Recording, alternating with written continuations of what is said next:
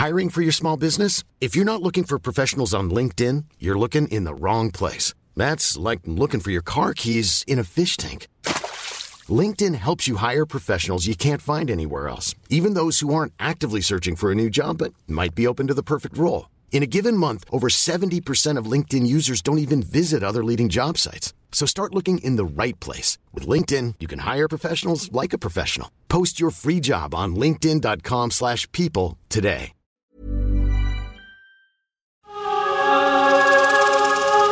Think you're making a mistake. I think you really want to talk to me. Sorry, I have three other interviews to do before this party's over. Yeah, but they're not working on something that'll change the world as we know it. They say they are. Yeah, but they're lying. where our greatest creations meet our deepest fears. Something went wrong, Seth. When you went through, something went wrong. You are about to go beyond that limit. I'm going to give the people what they want sensation, horror, shock. Send them out in the streets to tell their friends how wonderful it is to be scared to death. If you saw how scared and angry and desperate he is. I'm sure Typhoid Mary was a very nice person too when you saw her socially. No! You're afraid to be destroyed and recreated, aren't you? You're changing, Seth. Everything about you is changing. Oh no. What's happening to me? Am I dying? Välkommen till Skräckfilmscirkeln avsnitt 56 i ordningen. Och idag så fortsätter vi att bussa oss vidare i flugans värld. Dagens film är remaken av The Fly skapad av mm, David Cronenberg från 1986. Utöver flygfärd så kommer vi även prata om ett fenomen vi definitivt upplever just nu. Det vill säga remakes. Och man kan ju säga att vi gör om förra avsnittet i en ny tappning. Eller vad säger du? Helt klart. Nu är det gammal skåpmat förpackad i nytt snyggt omslag och eh, säljs till oss till att ja men se eh, gammalt är nytt. Jag tänker nu, nu de här senaste tre åren har det ju kommit ganska många remakes på gamla klassiker. Jag tänker som Halloween och jag vet Chucky, har den, har den kommit eller har den... eh, Jo, det kom ju en eh, Child's Play eh, reboot där, där inte, vad heter han nu, Dog Bradley gjorde rösten till Chucky utan det var eh, Mark Hamill som Okej. gjorde. För, för den serien är väl inte avslutad. För det gjordes ju film nummer sju, The Cult of Chucky eller The Curse of Chucky. Jag är osäker. Men det ska väl komma ytterligare en och det är väl någon tv-serie flaggad. Så ja. Jo då, det, det har ju varit en liten boom utav eh, ja, stora gamla titlar som får nyinspelningar och ja, det här är ju inget nytt i filmgenren överlag men i skräckfilmsammanhang kan man känna att det kommer ta med djävulen inget nytt. Utan det är bara gammal skåpmat om och om och om igen. Ja men sen samtidigt om det är remakes så brukar det på ett eller annat sätt liksom fräscha upp skiten höll jag på att säga. Men fräscha upp det lite. Eller som om man värmer upp en torr eh, kanelbulle liksom. Det, det är lite bättre effekter kanske. Ja, inte alltid bättre skådespelare men det kan ju vara pimpad musik eller ja, något sånt där. Men det är klart det är ju Ta som Halloween, det var det 20 år sedan? Mer? 30 som den kom? För 40 år Är sedan. det 40 till och med? Ja just det, 78. Det, det är 40. Mm. Nej, jag var 10 år fel. Ja, men man, då hade man inte, de hade inte lika mycket budget då och sen eh, var det väl Det fanns inte de dataeffekterna som vi har idag. Nej, och Halloween eh, 2018 är ju inte en remake utan det är ju en uppföljare till den första filmen. Så, eh, men ja, vad ska man säga? Den harkar ju ändå så fast i någonting gammalt och det är ju en så stor skillnad för eh, remaken på Halloween, det var ju Rob Zombies eh, skrik eh, och gapfest som eh, Eh, jag kände mest att jag ville begå något form av seppuku efter att ha hade sett den filmen. jag tyckte den var förfärlig. Så jag, jag, jag tänker säga att de flesta remakes misslyckas. Det är ytterst få som faktiskt lyckas överträffa originalet eller lyckas hitta någonting som gör att den kan stå på egna ben. Eh, remakes som oftast ganska tafatt försök till att casha in på en redan existerande titel. Så nej, remakes, det funkar inte för mig. Usch! Jag gillar eh, remaken på Dawn of the Dead. Ja, men det, det är en faktiskt... som faktiskt lyckas tycker jag. Ja, den är, den är nästan bättre än den första, ärligt talat. Jag gillar uppbyggnaden bättre och framförallt tycker jag bättre om karaktärerna. Mm. Så att, ja, ja. Men eh, det kommer vi prata lite mer om sen då. Mm -hmm. eh, innan vi ger oss i kast med Remix så kanske vi ska prata om vad vi har sett sen sist. Det kan vi göra. Ja, vad sägs om att du börjar? Jajamensan. Nu är vi inne i oktober, skräckmånaden. Halloween står inför hörnet där. Äntligen Nu blir det mörkt och läskigt. Eh, så jag, jag tittar film nu så står det härliga till. Jag kör någonting på fejan som jag gjorde förra året. Jag körde 31 filmer till Halloween. Så jag ska se en skräckfilm per dag nu till som är 31 oktober. Och i, i, spelande stund så är vi i 6 oktober så jag har klämt några stycken här. Men jag tänker inte ta allihopa för det orkar jag inte med. Jag tror inte att lyssnarna orkar med heller ärligt. Nej, det kommer vi aldrig för. Nu får vi gå in och kolla på fejan. Eller på eftersnack. Skräckfilmscirkeln eftersnack. Det var ju du som tipsade att jag skulle lägga ut mina recensioner där. Och jag vet inte varför jag inte hade tänkt på det själv. Men ja, så den som vill se vad, vad är det för filmer jag har tittat på här i oktober så gå in på skräckfilmscirkeln eftersnack så hittar ni dem. Eh, men ändå så lite highlights. Eh, jag har sett... Eh, eh, eh, nu ska vi se här. Jag har sett en film som heter The Presence. Eh, från 2010. Vilket var en riktigt doldis för mig. det var en sån där som jag hade fiskat upp ur DVD, alltså hyr-DVD-lådan när man sålde sådana till ett billigt pris. Och på omslaget så var det liksom en, en dimmig sjö och sen typ ett eh, spöklikt ansikte som formas i skuggan. Så jag tänker ja men det här verkar ju vara som en ja, men slentrianmässig spökhistoria. Så det kan väl alltid vara kul. Och det är en spökhistoria. Men den var väldigt jäkla annorlunda än eh, ja, alla spökfilmer som jag någonsin har sett. Dels ett är att vi får se spöket. Eh, Medan i en vanlig spökfilm så får du i regel inte se spöket utan du får se liksom dörrar som smäller igen och saker som flyttar på sig. Men här är det en skådespelare då som ja, spelar spöket eh, som vi som publik kan se men personerna i huset kan inte se den personen. Så, så det var lite annorlunda för det förtog ju lite det här liksom, oh, är spöket här? När kommer någonting hända?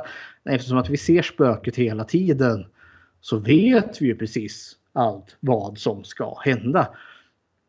Och sen var den så väldigt, väldigt långsam i sitt tempo.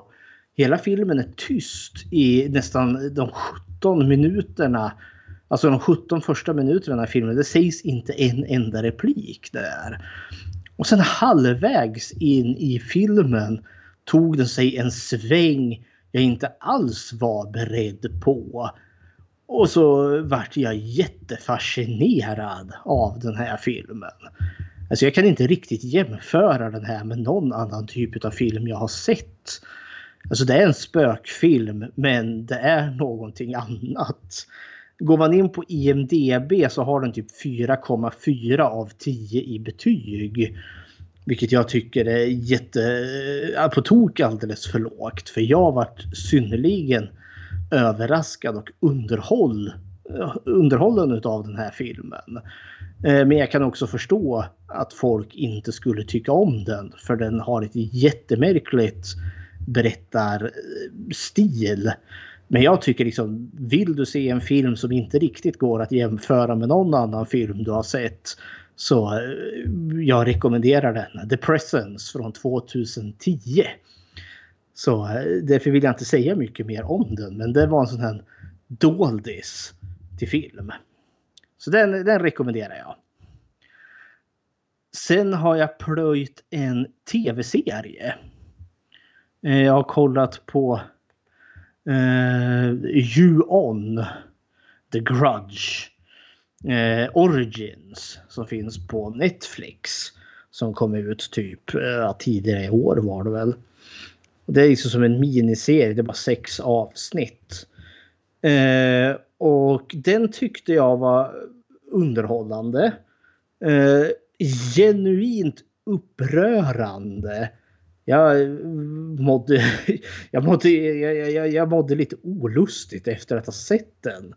Men eh, de borde ha marknadsfört den här på ett bättre sätt.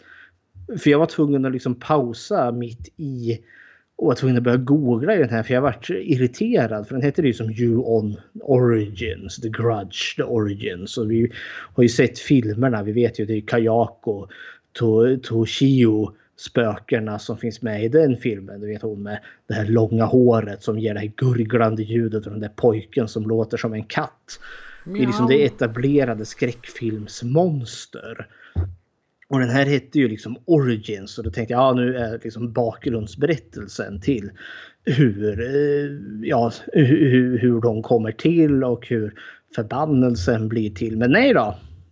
De finns inte med i, i serien alls. Fail. nej, och det, det, var, det var det jag trodde till en början. För det här var lite som att göra en ny terrorn på Elm Street och ta bort Freddy Krueger ur filmen. Är det bra eller dåligt? Ja, det låter som en uppenbar fail. Men den här funkade. För den spinner liksom på att ja, men jag kan köpa att det här händer i samma universum som de andra The Grudge-filmerna. Och på så sätt ökar den liksom mytologin fr från de andra filmerna. För det här är ett annat spöke som vi får följa. Eh, en annan förbannelse men premissen är i stort sett densamma. Att det finns ett hus där det har hänt någonting hemskt i och där finns det då ett spöke. Och om du kliver över tröskeln in i det här huset, ja då drabbas du av spökets förbannelse. Och i den här miniserien så är det liksom kvinnan i vitt så det är fortfarande en kvinna med typ hår som hänger ner framför ansiktet. Men det är inte Kayako och den här pojken som låter som en katt. Men god damn vad den här är otäck i sin socialrealism. För i typ The Grudge-filmerna när du väl har klivit över den där tröskeln då tar ju inte lång tid innan hon kommer efter dig där krypandes med sitt gurglande ljud och sen dör du en supergrotesk död inom loppet utav ja, något dygn efter att du varit i det där huset. Seven days. Ja, det är knappt ens det. Det är typ 20 minutes och sen är det åker på Men eh, och det är mycket mer i de filmerna aktivt spökeri liksom. Dörrar som slamras i och eh, saker som flyttar på sig och andra läskigheter. Men i den här, alltså spöket här är verkligen ute efter dig och verkligen spelar the long game. Liksom kommer se till att ja, men, du blir ihop med en dålig man. Vi börjar med missbruk, vi är fattigdom. Eh, alltså alla dina relationer blir kraschade för det här spöket som finns där och spelar på alla dina sämsta sidor.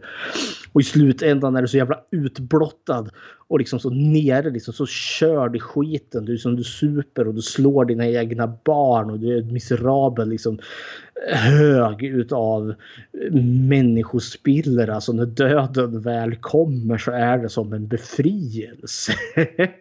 så jäklar i havet, det är inte värt att gå över den där tröskeln in i det där huset. Det här spöket är fan så mycket värre än Kajako. Det låter lite eh, alltså som Mama. En liten att de har tagit in den typen av karaktär. En hämnare eller vad man ska säga. Ja, mamma hon är ju, hon är ju beskyddare. Alltså, det, henne är du ju säker ifrån så länge du inte kommer i vägen för de här barnen som hon har adopterat. Precis. Det här spöket, kvinnan i vitt. Alltså hon, det är bara bottenlöst raseri. För det, det, finns ju ett mysterium till det här spökets identitet. Och självklart är det något hemskt som har hänt henne. Men det, det, det, faller liksom på att det spinner på hennes raseri. Och det här raseriet är blint. Alltså det, det finns ingen rim och reson till det. Utan hon vill bara liksom plåga för att plåga. Och det är liksom så, det finns ingen gräns för hur långt eller hur lågt hon kan gå. Alltså att barn misshandlas eller bokstavligen slits ut ur sina, sina möders livmoder. Vilket var den mest chockerande scenen i hela den här serien. Jag, jag bara satt och gapade när det kom. Så, vart, eh, vart någonstans hittar man den? Netflix finns den på. Det är en Netflix originalserie. Så. Det är lite svårt att tänka sig alltså en så grov skräck i en Netflix original. Ja, grejen är ju just att det är bara en scen. För jag, jag har läst lite recensioner och hur, hur den här har omhändertagits. Och många, alltså antingen är det att man älskar den eller så hatar man den. Det har inte funnits något mellanläger direkt. Och tempot i den är märkligt för det är ganska långsamt det är en riktig slow burner som plötsligt bara exploderar i det här liksom supergroteska våldet. Men vilket får just våldet att sticka ut. Men det är verkligen en mörk serie som vältrar sig i social misär och sorg och förtvivlan. Det finns verkligen ingen ljusning i den här serien. Så jag kände mig lite olustig när den väl var klar. Och sen, eh, ja, om det inte kommer en säsong två eh, så slutar den på ett sätt som gör den ännu mer horribel i sådana fall. Men, Men det är öppet för en andra säsong? Då? Ja, det kan eh, bli en fortsättning. Blir det inte det att ja, jo, men då var det bara ytterligare en led i den här groteska, miserabla sagan utav mänskligt lidande och elände. Så eh, jag rekommenderar den för den har satt ett avtryck i mig. Men god damn, det här var ingen trivsam skräck utan det var verkligen liksom uh. Eh, lite som en Eden Lake light. Inte så hemsk som Eden Lake men den rör sig liksom i den myllan ungefär. Djävulusiska barn alltså? Nej, alltså snarare liksom den obehag som Eden Lake lyckas ge. Inga onda barn för det är ett vansinnigt spöke med i den här. Men uh, den liksom osmaket som Eden Lake ger. Det fanns med i Ju-On Origins fast inte riktigt lika så extremt som Eden Lake. Men ja, väldigt speciell smak om man nu vill se det. Men det är liksom inte trivsam skräck utan ont i magen skräck. Så det är de två jag verkligen kan tipsa om för de har stuckit ut i mitt skräckfilmstittande. Men jag tänker nämna en tredje också för jag har precis påbörjat Scream tv-serien. Det har ju, gjort, mm. det har gjorts tre sådana säsonger, 1, 2 och 3. Ja, eh, de är baserade på film 1, 2 och 3. Eller baserade och baserade. De fungerar som uppföljare till film 1, 2 och 3. Nope. Det är totalt distanserat ja. ifrån. Ja, i och för sig. Det är väl Sydneys eh, dotter? Uh, nej. Alltså det är totalt distanserat. Det har ingenting att göra med Sydney Prescott och eh, händelserna i Springwood. Alltså, men däremot så tar den ju aspekten. Alltså masken är väldigt lik. Den är inte exakt likadan som Ghostface. Men den är väldigt snarlik. I säsong 3 är det exakt samma alltså Ghostface-mask. Men den gör sin egen lilla spin på det hela. Men det som är kvar är ju den här mördaren som ringer och terroriserar. Fast här har man ju spunnit över liksom till mobiltelefoner och till sociala medier istället som mördaren använder för att terrorisera ungdomarna. Så det är den eh, som är detsamma då. Men liksom, den är liksom i anden eh, densamma som Scream men den är totalt distanserad från filmerna. Det finns ingen koppling alls sinsemellan vilket jag tyckte var ganska smart. Då skapar man... Men är det inte de ungarna, är det inte barnen till de som överlevde Nej, det Scream, finns... de händelserna? Nej. Tänker hon eh, blonda tjejen. Hennes mamma var väl med och mötte Ghostface? Nope. Eh, inte alls, utan de har en alldeles egen mördare i den här filmen. Eh, som spinner på det som är fredag den 13 esk eh, berättelse. Då det finns liksom en eh, mordhistoria i grund och botten. eh, Om en hemsk massaker som skedde. Eh, som då huvudkaraktärens mamma eh, råkade bli föremål. Men så är det ju då ny mördare som spinner på den här legenden.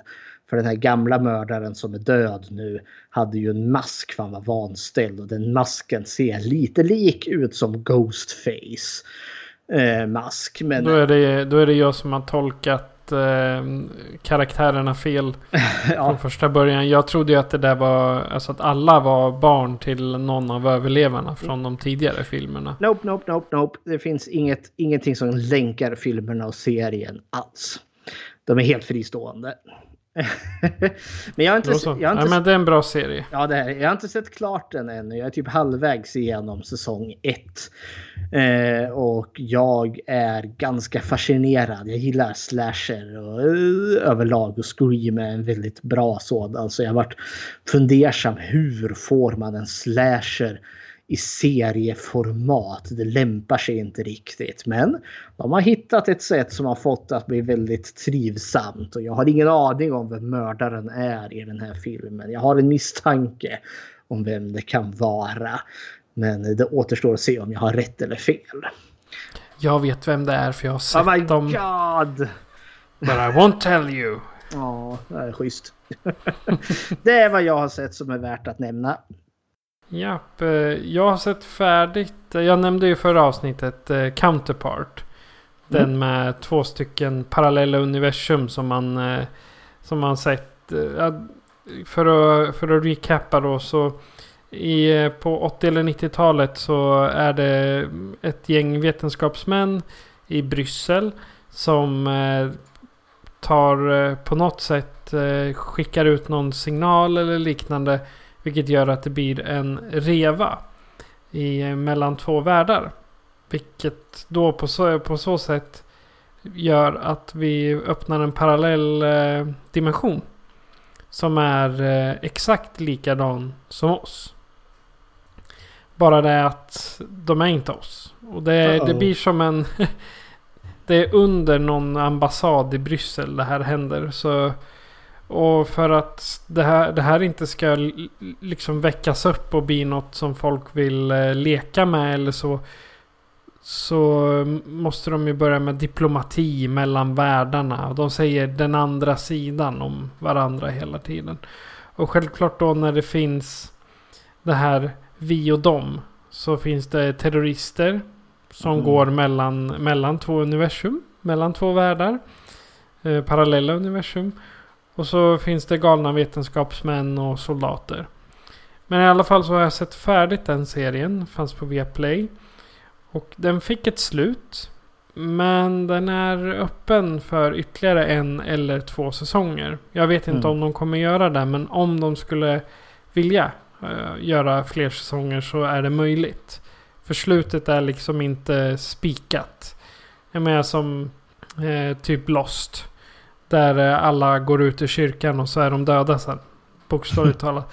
Skillnaden här är att det går, det, det går att ha som slut men det funkar också att ha som en öppning in till att oj, det kommer ett nytt hot och nu måste vi samarbeta för att, ja, blattan blattan, bla, så. Eh, I övrigt så har jag inte sett särskilt mycket. Jag har mera kollat på lite sådana här true crime grejer på YouTube. Amatörfilmer om fem personer som försvann och hittades igen flera år senare. Sådana har jag sett. Vid liv eller döda då? Eh, Båda dera faktiskt. Det var, det var jätte... Halvdöda. Ja, fast det var, ju sanna, det var ju sanna historier. Sånt som har hänt. Men det var ju inte de här djupgående två timmars dokumentärerna.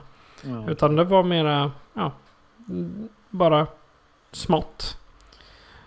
Eh, Det, det är vad jag har sett. Men idag så är ju temat eh, remakes. Mhm. Och eh, du har lite research om fenomenet remake. Research, research. Jag ska mejsla ut lite vad är en remake och vad eh, inte är en remake. Men som vi vet en, en remake i sig liksom sin ja rent filmmässigt då. Alltså det är där vi hamnar. Det är ju helt enkelt att vi har ett förexisterande film. Eh, och i regel så gick den kommersiellt bra på ett eller annat sätt. Så att då kanske flera år senare, decennium senare, väljer något studiebolag att göra om filmen med nya skådespelare och kanske uppdatera handlingen eh, till en modern tid. Eh, allt som oftast är det ett ganska misslyckat koncept. Eh, dock kanske inte så kommersiellt det eftersom att det blir säkra kort. Eh, så i regel spelar dessa filmer alltid in eh, den här budgeten och blir liksom ja, kassakor. Det är därför man får såna här filmer om och om och om igen.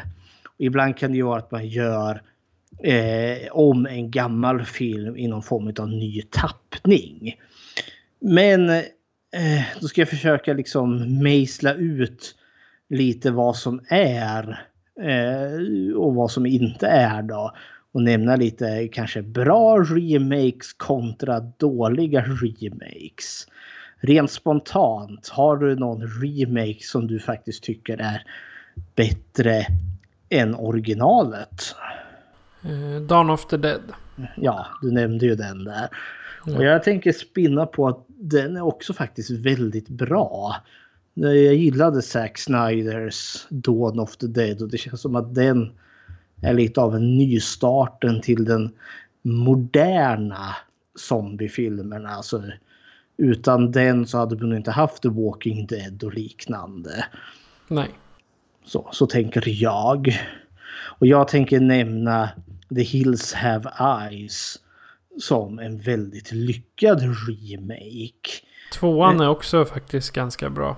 Remake. Ja, ja, ja, tvåan är ju fristående på det sättet att det är Ja, ju inte en remake. Det är Nej, ju inte en sig inte. remake på Hills Have Eyes 2. Utan eh, ja, det finns ju två Hills Have Eyes 2. Men de är ju totalt fristående från varandra.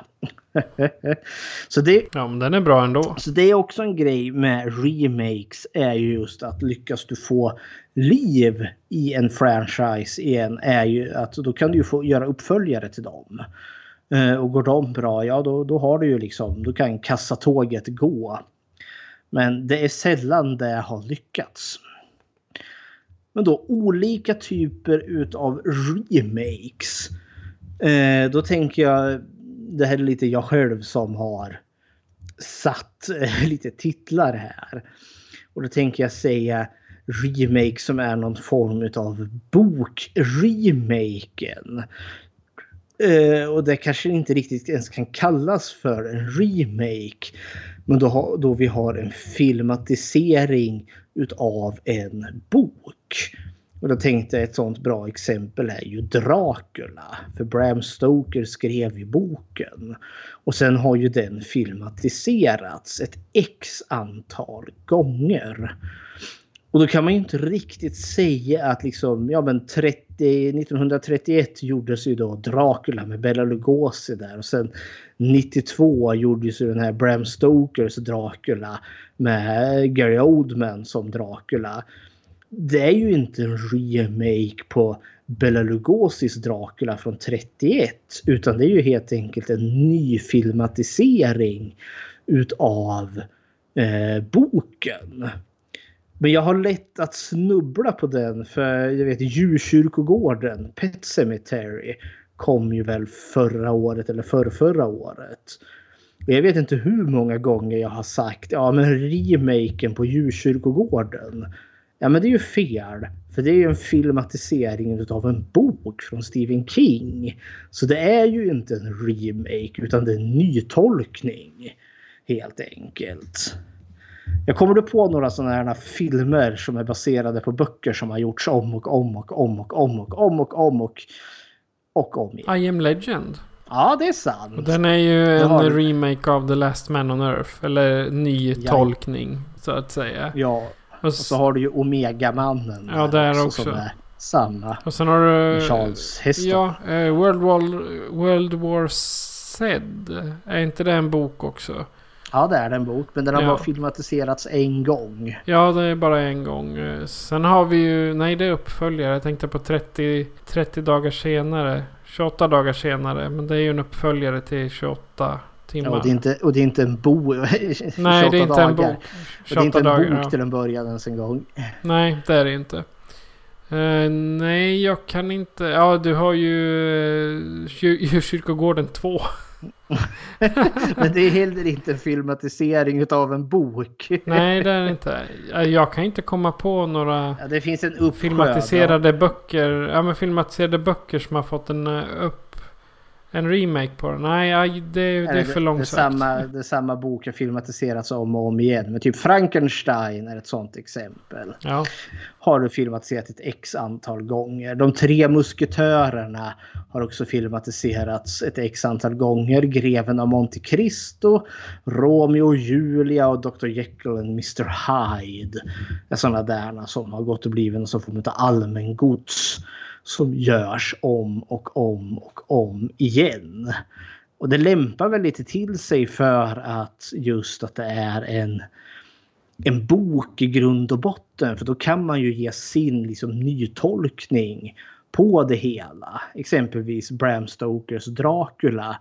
Där har du ju lagt till den här romantiska aspekten att Dracula är förälskad i hon. Lucy är det väl. Eller är det Mina? Mina Harker. Ja, Mina är det. Den, eh, för att hon är då så väldigt lik hans fru som har dött. Den aspekten finns inte med i boken alls. Men i och med att Bram Stokers Dracula varit så populär så har ju det nästan gått och blivit kanon. Att det finns en stor och djup kärleksberättelse i Draculas mm, historia. Men sen har vi den här då som jag skulle, ja, som mer är väl den här klassiska remaken egentligen då det inte finns en bok i grund och botten men det finns däremot en ganska framgångsrik film i grunden. Eh, som när den kom gick väldigt väl men sen har det kanske gått 20, 30, 40 år och så vill man då nysatsa filmen i en ny setting. Eh, exempel på det är ju typ som Gone in 60 seconds. Eh, som kom någon gång på, och shit nu har jag inte årtal i huvudet här men det gjordes ju en med Nicolas Cage som är då remaken. Eh, och det gjordes ju en på 70-talet och likadant The Thomas Crown Affair har det samma sak där. Det finns en 70-talsupplaga och sen en 2000-ish där. Eller Oceans Eleven med George Clooney och company i är ju remaken. I originalet då har du ju Frank Sinatra med bland annat. Eller den här westernfilmen The True Grit. Eh, där John Wayne spelar den här enögd revolverman där. Den gjorde ju bröderna Coen om igen här 2010-ish där någonstans med Jeff Bridges och Matt Damon i huvudrollen. och sen kommer jag på eh, Hawaii 5 är också en remake utav en gammal serie. Det är så sant. Eh, för det, där har du ju liksom tv-serier som går igen. Ja. Så tänker jag varför det fanns väl en som heter Miami Vice. Också som var en tv-serie som vart en film som sen Michael Mann gjorde har jag för mig. Men det är också det, här, så det, det är väl kanske den mest vanliga. Då det, liksom det, det fanns en film som är ganska gammal nu. Eh, men som man nu då gör om igen för att uppdatera till liksom en modern tid. Och jag vet inte liksom om det är för att det är säkra kort. Man tror liksom att ja, men vi får igen pengarna. Eller för att, att inte den gamla filmerna ska falla i glömska.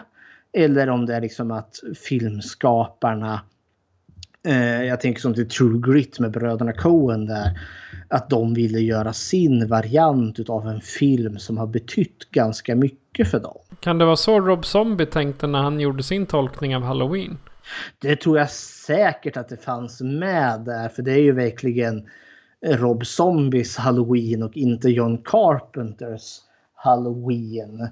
Eh, och det märks ju liksom att de två regissörerna har två väldigt olika sätt eh, att eh, ja, förmedla en berättelse på. Då jag personligen föredrar John Carpenters film alla dagar i veckan före Rob Zombies. Jo men det, det är samma här. Det är ju det är som du sa, det är olika ton i dem.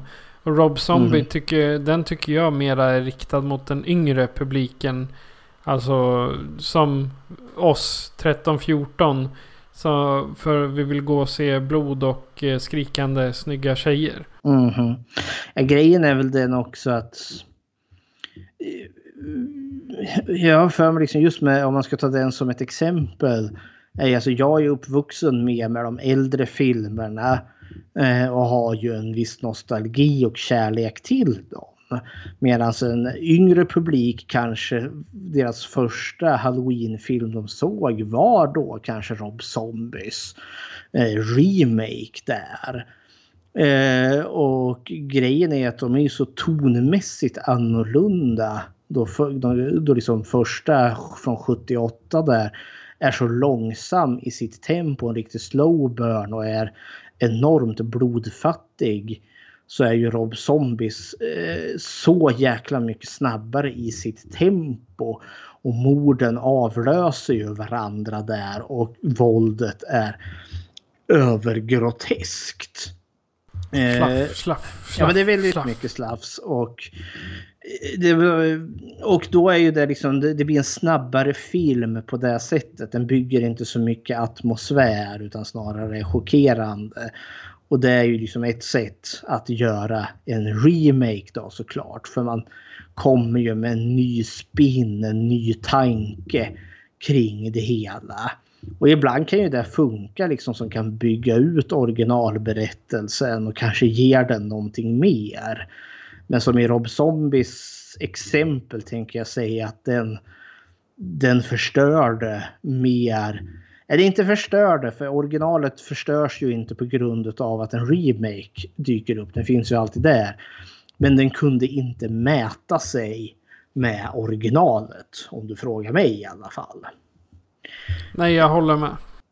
En annan typ utav remake är att eh, tekniken, alltså eh, specialeffekterna, eh, helt enkelt utvecklas på ett sådant sätt att gamla berättelser kan göras om på ett sätt som man inte kunde göra det innan. Exempelvis, ska jag se, jag ska hitta datum här. Men eh, sagan om ringen exempelvis. Där har du ju då en bok i grund och botten. Men som kräver väldigt, väldigt mycket. Eh, liksom rent specialeffektsmässigt. Eh, och eh, jag menar eh, på 50-talet. Ja, det är helt jävla omöjligt. Eh, att eh, göra den här filmen med levande skådespelare på ett sånt sätt så att den blir trovärdig. Eller liksom att kunna göra den rättvisa. Eh, men, Men 78 då gjordes det ju en tecknad variant, The Lord of the Rings. För det var ju det närmaste man kunde komma då för att visa alla de här spektakulära varelserna. Liksom hobbitarna, dvärgar, alver, orcher, eh, drakar eh, och så vidare och så vidare. Eh, för det hade liksom inte varit görbart för liksom en dåtida produktion. Men som då tidigt 2000-talet kommer det ju. Då har ju tekniken utvecklats. Eh, vi har liksom dataanimationer. Eh, så då kan man göra troll och drakar på ett helt annat sätt som man inte då kunde göra. Så då kunde man ju nyinspela liksom gammalt material. Och det är också ett sätt att faktiskt göra en remake på. Att kanske liksom återberätta den fast med liksom en ny eh, filmteknik som man inte hade innan. Dock tänker jag säga att det kanske inte alltid är att föredra. I Sagan om ringen tänker jag säga att ja, men där funkade det väldigt väl. För jag tänker säga att den, den, den filmtriologin som finns var, är helt klart överlägsen eh, den från 78. Eh, för att den kan liksom då göra berättelsen mer rättvisa. Men vissa saker exempelvis vissa filmer bör helt enkelt inte remakas. För det finns ingen vettig anledning till det. Exempelvis Hajen. Vad skulle det kunna finnas för mening med att remakea Steven Spielbergs Hajen? V vad kan man tillföra till den berättelsen som den filmen inte redan har? Jo, det enda som finns då det är då en dataanimerad haj. Tänker jag. Och jag vet inte om det är värt det. Nej, det, det skulle förstöra ganska mycket. Alltså Hajen är ju en praktisk film. Den är ju det. Och det går inte att ha utan, utan själva... Utan Bruce. Mm. Man, vi måste ha Bruce med. Det går inte med en data-Bruce. Nej, och grejen är väl också... Alltså det, det är inte så direkt alltså den mekaniska hajen som är det som bär den filmen. Utan det är ju snarare liksom den här berättelsen som... Alltså det här mänskliga dramat som man lyckas fånga. Och hur gör du, hur gör du om det? Nej, det gör du inte. Ett annat bra exempel är väl typ Psycho. Eh, från 1960, Alfred Hitchcocks film. Finns det någon mening med att remakea den? Nej, det vart vi ju smärtsamt uppenbara när han, vad heter han, Guy, Guy Van Sands. Nu måste jag googla upp här nu. Det, här... Var det han som gjorde American Psycho? Nej, det är inte samma. Uh, ja, det är ingen, i och för sig ingen remake, det är en rip-off. Det, det är det inte heller utan det är en filmatisering av en bok som heter American Psycho. Uh, ja, en bokfilmatisering, okej. Okay. Psycho remakades av Gus Van Sant, så heter han ja. 1998. Och är ju då liksom en nästan scen för scen kopia på Alfred Hitchcocks eh, originalfilm. Vilket gjorde den för mig helt meningslös att se. För varför behöver jag se scen för scen kopia utav en gammal film som jag redan har sett och som dessutom gjorde det så mycket bättre.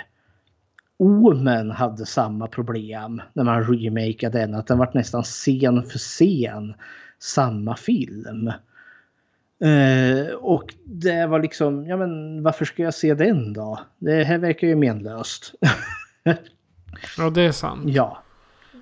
Äh, bara så, bara, när det är en remake då ska det inte bara vara en, en ny variant utav den gamla filmen. Som du säger, det behöver inte vara scen för scen. Man kan ha samma, samma uppbyggnad men ändå skjuta in något nytt. Eller man vill, man vill se något nytt.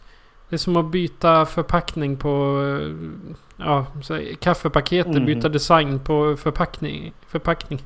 Ja, men sen ska man ändå så göra en remake så måste man kanske göra någonting, eh, någonting nytt med det hela. Eh, eller leverera någonting som kanske inte fanns där förut. Exempelvis är ju ett sånt här med tekniken, typ King Kong. Eh, den från 30-talet. Då liksom hade stoppanimationen. Och sen hade du ju då Peter Jacksons King Kong från 2004 vill jag säga att den är. Och King Kong remakades någon gång på 70-talet också. Den kanske lämpar sig lite bättre för eh, liksom en, eh, en sån remake då liksom King Kong även i sitt gamla original film är ganska effektspektakulär och som bygger liksom på att vara häpnadsväckande med sina effekter. Eh, och då kan ju det funka bättre. Psycho är ju mer av ett karaktärsdrama. Eh, och det lämpar sig inte riktigt lika väl till att eh, vad heter det, remakea. Men om man ändå så ska remakea något sånt. Då ett sånt bra exempel är då Scarface. Eh, Du vet den med Al Pacino. Där han säger Ja. hello to my little friend där så skjuter han ihjäl alla i slutet där. Det är ju en remake på en tidig 30-talsfilm med samma namn. Men som då liksom följer en gangster i 30-talets typ Chicago. Och hans liksom resa från toppen till botten, eller från botten till toppen och sen hans fall. Medans eh, Scarface med Al Pacino är ju exakt samma sak fast du har flyttat den till typ Miami i, i 80-talet och får liksom in 80-talets eh, politik och, och liv och sådana saker. Så då har ju den liksom moderniserats på det sättet. Eh en annat bra exempel på remakes är ju då att göra om ett, eh, en film som kanske har blivit populär i ett land och så gör vi om den i vårt eget land. Exempelvis eh, Ringu som vi ganska nyligen gjorde. Vart ju, eh, den kom väl 98 där i Japan. Och sen några år senare så kom ju då en amerikansk The Ring. Eh, för då tar man ju liksom eh, då, då är ju förändringen att vi flyttar liksom eh, från en från en land till ett annat. Från en japansk setting till en amerikansk setting. Eller varför inte en svensk som Låt den rätte komma in. Vart ju några år senare Let Me In i Amerika där. 2010 tror jag där ish. Så det är ju en variant utav en remake också. Och de här är väl kanske de som funkar ja, bäst för mig. Eh, eftersom att då är de ju så pass separata från varandra. Det finns liksom varje land har sin alldeles egna tolkning på det hela och kan få in sin egen kultur och ja, hur det funkar och inte funkar. Så ja, det är väl kanske det som är minst eh, skadlig, den, den minst eh, harm, eller den mest harmlösa utav alla remakes. För i regel om man remakar någonting från ett annat land då brukar man också releasa eh, originalet också. Så då brukar man få både och. Och det är ju väldigt trevligt tycker jag. Definitivt. Ja. Eh, jag ska fatta mig väldigt kort men jag, ska, jag tänker vi ska nämna några sådana här Alltså i, i, i, films, i filmsammanhang så är ju skräckfilm något som remakas till förbannelse. Vi har så jäkla mycket. Och jag tänker att jag skulle börja med typ Nosferatu. Den gjordes, originalet är från eh, 22. Eh, och sen 79 gjordes det ju en remake då med den med, Klaus Kinski som vampyren. Så funkade väldigt väl. Sen har du typ Sweeney Todd. Nu heter Demon Barber of Fleet Street eller vad den heter. Den gjordes ju 35. Eh, och sen gjordes den ju 2007 där då med Johnny Depp i huvudrollen. Så har du Cat People från 42 är liksom originalet. Och den är lite kul för man brukar säga att Cat People från 42 är den första filmen eh, eller den filmen som har den första jump scaren i sig. Eh, så brukar liksom säga ja men det är Cat People från 42. Men 82 så kom det en ny eh, remake på den. Sen har du ju The Thing från John Carpenters The Thing. Är som bekant en remake på The Thing from Another World från 51. Och där har vi ett bra exempel på att remaken är helt klart överlägsen originalet. Sen har du typ House of Wax. Vincent Price första 3D-rullen där från 58 och 2005 kom den till bedrövlig film med Paris Hilton i en av huvudrollerna. Uh, 13 Ghost. Uh, 2000, uh, 1960 kom första och 2001 remakades den. Uh, Motorsågsmassakern 74. Originalet. 2003 kom remaken. Och där fick vi en hel del uppföljare sen. Som vi har gått igenom allihopa. Vi har ju faktiskt det. Och där gällande Motorsågsmassakern ska jag säga att jag gillade uppföljaren eller remaken av Leatherface. Mm. Den ja. var faktiskt helt okej. Okay. Jag gillade den också men jag tycker att den är tonmässigt helt fel. Den, eh, den är helt fel i sin franchise. Hade den inte varit knuten till Motorsågsmassakern hade jag tyckt att den var awesome. Ja, och sen remaken på den här origin-storyn. Ja, det var den jag menade som heter Leatherface. Jaha, okej. Okay, okay, ja. Mm. Så, eh, och sen hade vi Dawn of the Dead 78 och 2004. Eh, Pirana 78 och Pirana 3D oh. 2010. och sen gjorde Jag sitter och skäms. sen hade vi Terrorn på Elm Street. Eh, Fright Night har remakats. Halloween har vi ju nämnt och Friday the 13 eh, fredagen den 13 där som fick sin rysligt dåliga uppföljare där 2009-10 där någonstans. Eller remake. Jag skulle säga att, eh, att det är mera ett försök till att återuppleva, återuppliva det, den franchisen. Ja, så upplevde jag också men. Ja, men sen får man bara hoppas att det tar tio år till innan de släpper någonting nytt. Ja, nu är det ju en jäkla... Det är ju en uh, twist om vem som äger rättigheterna till karaktären Jason. Så det är därför vi inte har sett någon, några nya fredagen den 13. För att man håller på och tjafsar om det fortfarande. Men kan de inte dela 50-50? Nej. en ska ha allt. ja, vi, vi ska inte gnälla. Vi vet ju inte the origin story Nej, bakom det... de där. Nej, men så tänker jag i år så skulle vi ha haft en remake. Vi skulle ha ju sett Candyman, Jordan Peels remake. Men den är ju försenad nu på grund av coronan. Så.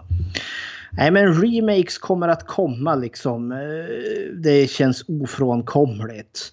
Antingen är det för en säker kassako.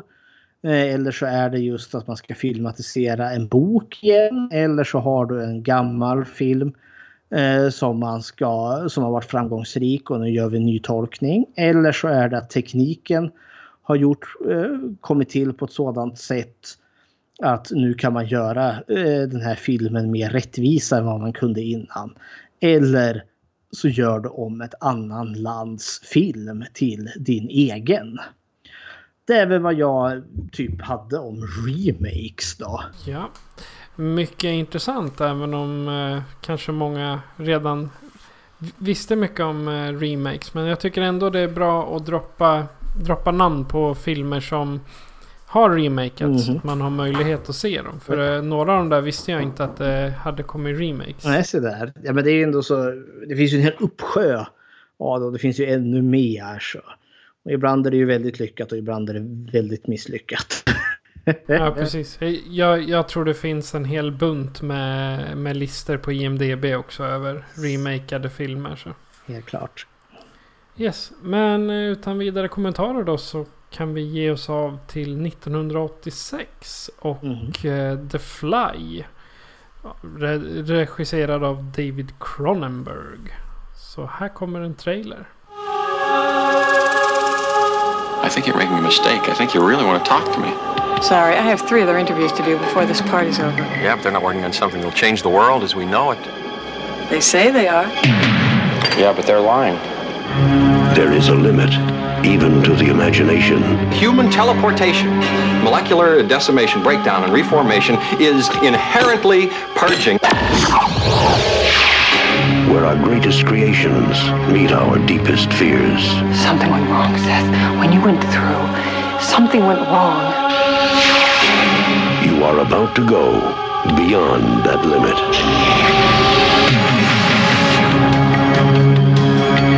Those weird hairs that were growing out of your back, I, I had them analyzed.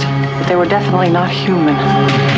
If you saw how scared and angry and desperate he is. I'm sure Typhoid Mary was a very nice person too when you saw her socially.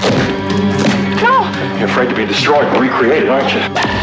You're changing, Seth. Everything about you is changing. Oh no. What's happening to me? Am I dying? I want to know what's going on. What does the disease want? It Wants to turn me into something else. Oh no. A fly got into the transmitter pod with me that first time when I was alone. Don't go back to it. it Could be contagious. Ah, I'm afraid! Don't be afraid. No. Be afraid. Be very afraid. Hey, I'm Ryan Reynolds. At Mint Mobile, we like to do the opposite of what Big Wireless does. They charge you a lot, we charge you a little. So naturally, when they announced they'd be raising their prices due to inflation, we decided to deflate our prices due to not hating you. That's right. We're cutting the price of Mint Unlimited from $30 a month to just $15 a month. Give it a try at mintmobile.com slash switch. $45 upfront for three months plus taxes and fees. Promo rate for new customers for limited time. Unlimited more than 40 gigabytes per month. Slows. Full terms at mintmobile.com. Millions of people have lost weight with personalized plans from Noom, like Evan, who can't stand salads and still lost 50 pounds. Salads, generally, for most people, are the easy button, right? For me, that wasn't an option. I never really was a salad guy. That's just not who I am. But Noom worked for me. Get your personalized plan today at Noom.com. Real Noom user compensated to provide their story. In four weeks, the typical Noom user can expect to lose one to two pounds per week. Individual results may vary. Seth Brundle är en vetenskapsman som uppfunnit en teleportör som kan förflytta materia från en plats till en annan. Efter flera lyckade försök prövar Seth försöket på sig själv. Men allt eftersom tiden går börjar Seth agera annorlunda och förändras. Det är plotten till Blu-rayen av The Fly från 1986 regisserad av David Cronenberg. Vad är dina initiala tankar Fredrik?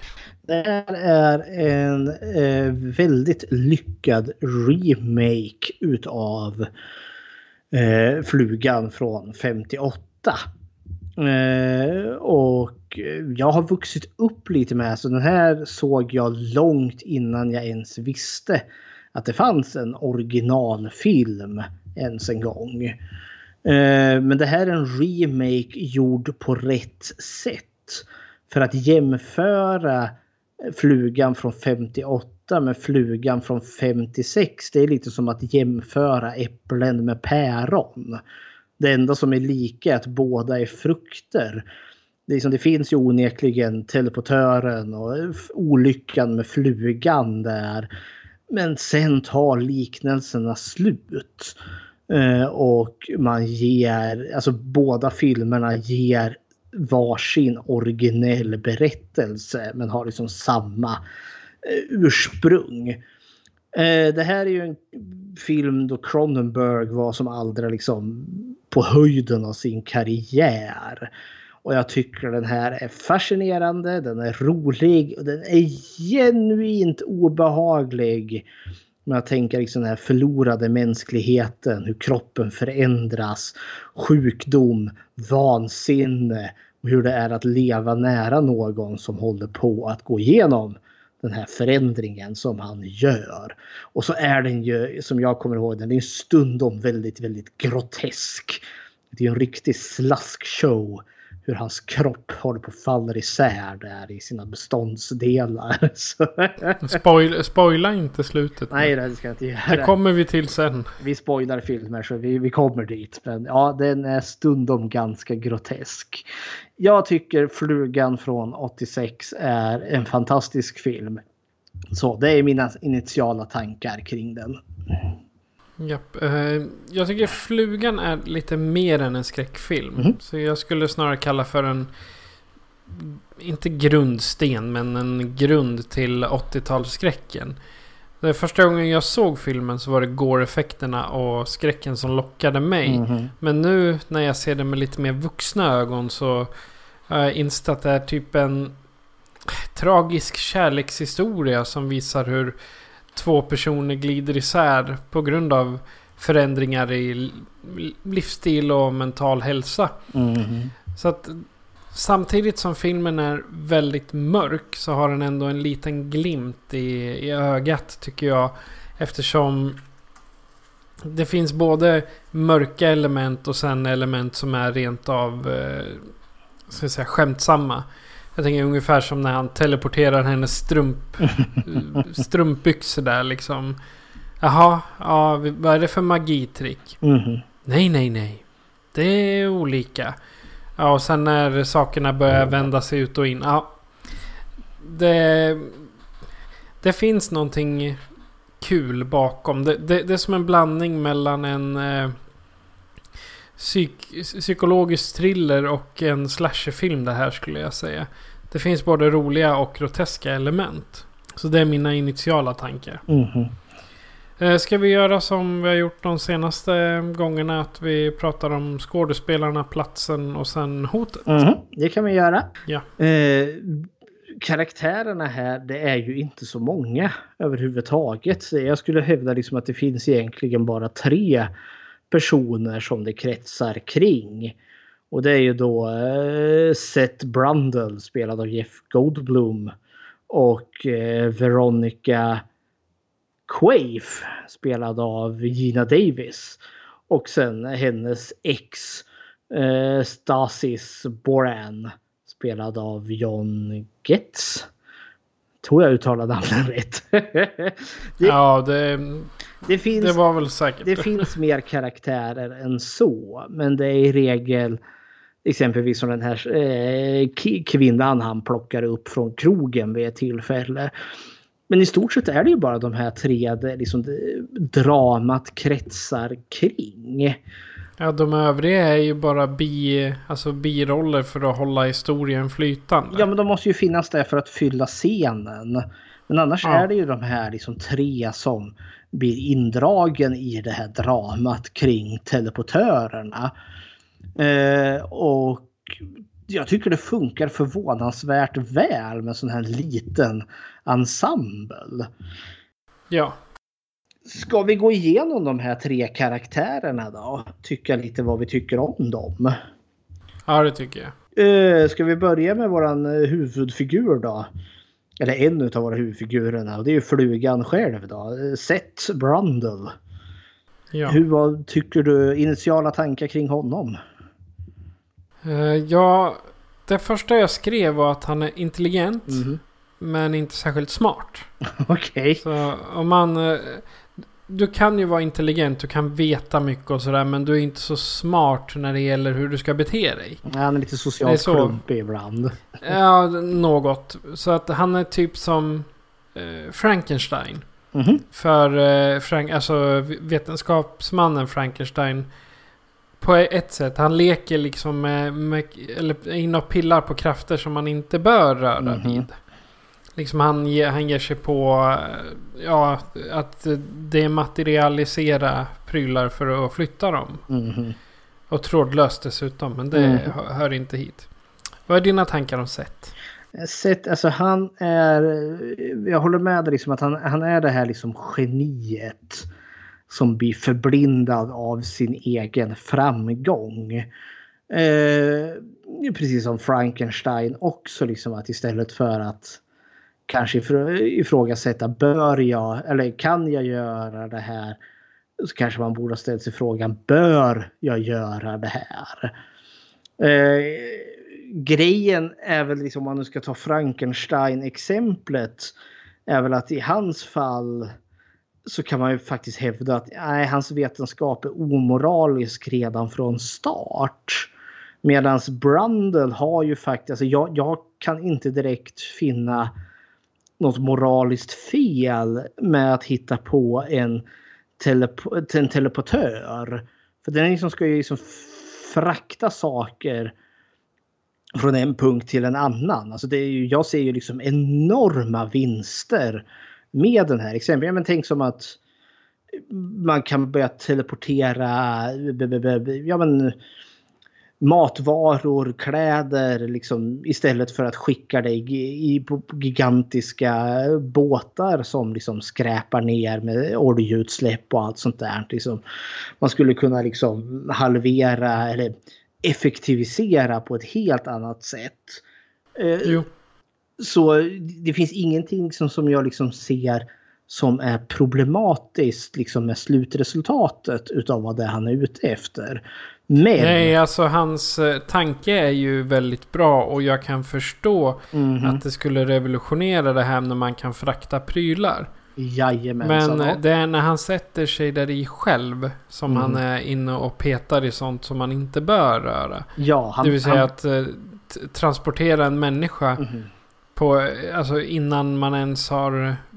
Han försökte väl en gång med apan och sen vart det inget mer. Ja, det är väl lite underifrån. Hon frågar ju eh, när de sitter där och äter ostburgare.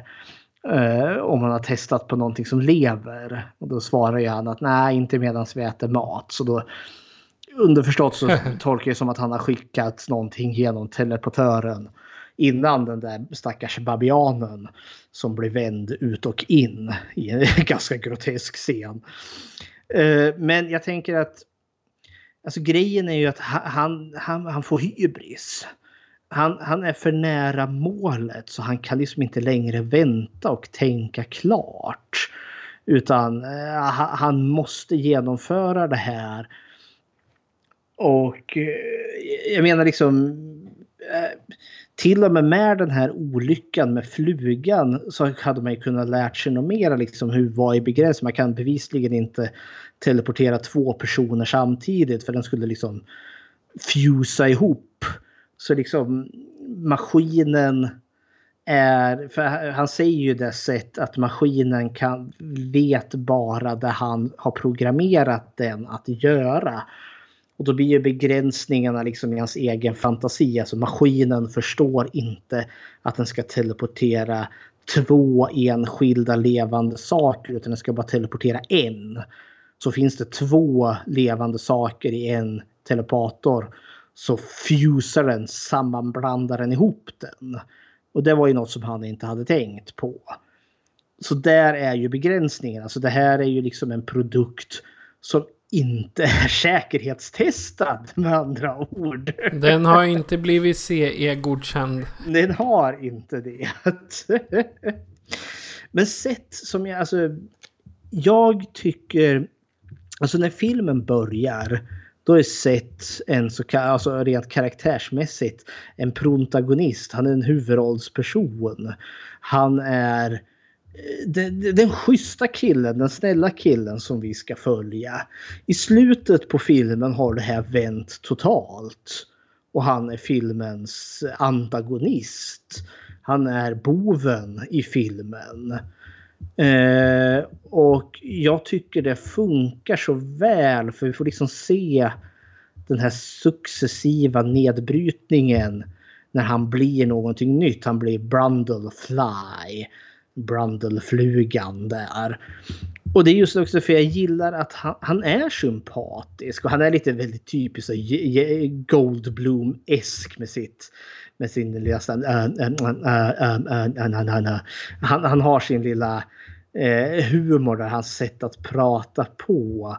Och han är ju han är ju fyndig. Man inser ju att han har ju humor, han har ju sinne, han kan analysera saker i absurdum. Han är ju, han, är ju en gränslös jäkla ironiker. Eh, och det är ju så han charmar hon eh, Veronica, även kallad Ronny. Eh, och jag gillar de två. För han är verkligen den här liksom supergenitunten som senare liksom blir Ja men det finns en kärlekshistoria de sinsemellan som jag tycker om. Men sen också liksom hur han förändras och hur han blir någonting som inte är han något mer. Och det är inte bara hans kropp som förändras utan han förändras ju till sinnet. Han blir otäckare, han blir vidrigare och han... Jag tänkte liksom som en allegori nu när jag såg den här igen, liksom hur, alltså som en... Eh, eh, att vi har att göra med, säg en sjukdom som påverkar dig mentalt. Jag tänker ja, men, demenssjukdomar, Alzheimer. Och hur jobbigt det måste vara. Dels för hans egen del men också för hans omgivning framför allt. För jag tänker det finns en scen som jag alltid har fått mig att rysa lite. Det är ju väldigt nära slutet när han eh, har i stort sett fallit sönder och hon dyker upp. Hon har ju blivit gravid med honom. Spoiler alert, men det kommer vi till. Men hon ska... eh, när eh, hon har väl tänkt att berätta det för honom. Men han är ju, han är ju knappt människa då. Och hans munväder går ju i ett och han börjar prata om att han är mer insekt än vad han är människa. Att han borde bli insektspolitiker för insekter har inga politiker. och liksom, han inser att det är liksom det galenskapen som talar. Men så finns det någonting där, för han säger det på slutet att hon bör gå. För om hon kommer tillbaka då kanske han kan skada henne. Jag tänker att ja, det är det sista som kanske finns kvar utav Seth Brundle. Som faktiskt varnar henne. Kom inte tillbaka för jag är inte jag längre. Och han älskar henne. Men det, han finns knappt kvar. Och det här är hans liksom sista försök till att faktiskt hjälpa henne. Undvik mig, kom inte tillbaka. För jag kan inte ansvara för mina handlingar för jag finns knappt kvar. Det tycker jag är ganska kusligt och har alltid tyckt det kusligt i den här. För jag tänker att efter den scenen så finns inte Seth Brundle kvar. Utan då har verkligen flugan Brundle Fly tagit över och han är vansinnig. Eh, alltså, till en, början, alltså, till en början är det ganska häftigt för han går ju från den här tunten Eh, Eh, det är ju liksom lite romantik med dem innan också men sen blir han ju jättestark. Efter teleporton där, det är ju jättecoolt. Han blir ju hur stark som möjligt, akrobatiska rörelser och han blir hur jävla fitt som helst. Och liksom, det är ju som rena drömmen. Ja, han blir riktigt eh, horny också. Ja, han blir ju där, liksom sexet bara eskalerar. De håller ju på hur kan du orka så länge? ja, ja, de har hållit på i timmar förstår vi. Så lite så passionerad mm. älskskog. Men det är också just det där för samtidigt kommer ju han, han blir mer, han blir snabbare i sitt sätt att prata och jag tänker man får ju liksom, han börjar han ska göra socker i precis allting. Det började med socker i kaffet med om och om och om igen och så började han äta chokladkakor och liksom nonstop där. Men alltså jag gillar karaktären. Hur den går från den här trivsamma, nördiga, charmiga till det här monstret som man faktiskt blir. Och hur hemskt. Eh, alltså vilken tragedi det är. Eh, ska vi prata henne då? Veronica. Eller Ronny som hon också kallas. Gina Davis. Vad tycker du om eh, henne? Jag tycker att hon, hon kallade jag för ärrad reporter. Mm -hmm. Det första jag gjorde med skinn på näsan. Men sen kommer man ju fram till att hon har varit biologistudent. Mm. Från början. Det var ju så hon träffade Stathis. Mm. Hennes ex. Och nu, nu vet ju inte jag riktigt vad det är för tidning de skriver för. Men det som jag ser det så det verkar mycket som en Ding Ding Värld liknande tidning. Att eh, de skriver om sånt som är, är ovanligt i världen så att säga. Jag tolkar det som att det var någon form av alltså, vetenskapstidning. Det heter ju Particle Magazine. Ja, jag tyckte det mera var något så här satiraktigt. Men det, det kan ju lika gärna vara en tolkningsfråga. För de, det framgår ju aldrig exakt vad det handlar om. Nej, det gör det väl inte riktigt. Men jag tolkar det som att det hade att göra någonting med vetenskap. För de, i början där så är de ju på någon vetenskapsmässa. Där hon ska intervjua eh, några. Och så kommer ju han, Seth Brundle, fram till henne. Och lyckas locka henne hem till sig, till teleportörerna. Ja, det, det, är där, det var där jag menade med att Seth Brundle är intelligent men inte särskilt smart. Mm -hmm. Men om man då ska ta med sig en eh, reporter hem och säga kolla vad jag har gjort. Så bara, men du får inte skriva om det. Ja, det var också så som jag tyckte var märklig. Liksom, hon säger att jag ska intervjua tre forskare och så blir han chockerad sen när han inser att hon är journalist. Men jag tänker att... Det här får du inte trycka, bla bla bla. Jag tänker också det är en viss tolkning till honom. Alltså han, han är ju lite egenkär trots allt. Ja, det också. Han har ju en plan att skriva en bok om han och sen är han ju lite säkert betuttad i henne. För det, det är ju henne framförallt han vill ha. Men hon Ronny, alltså jag gillar den karaktären. Jag köper liksom, är med på din tolkning om den här kvinnan med skinn på näsan. Eh, jag upplever att hon, hon, har liksom varit med i matchen. Eh, och det känns ju lite som att hon den här Stasis som hon är hennes ex som också jag tolkar är någon form av redaktör för den här tidningen hon skriver till. Att hon har ju haft ihop det lite med honom kanske för att ja, tagit sig till där hon är idag.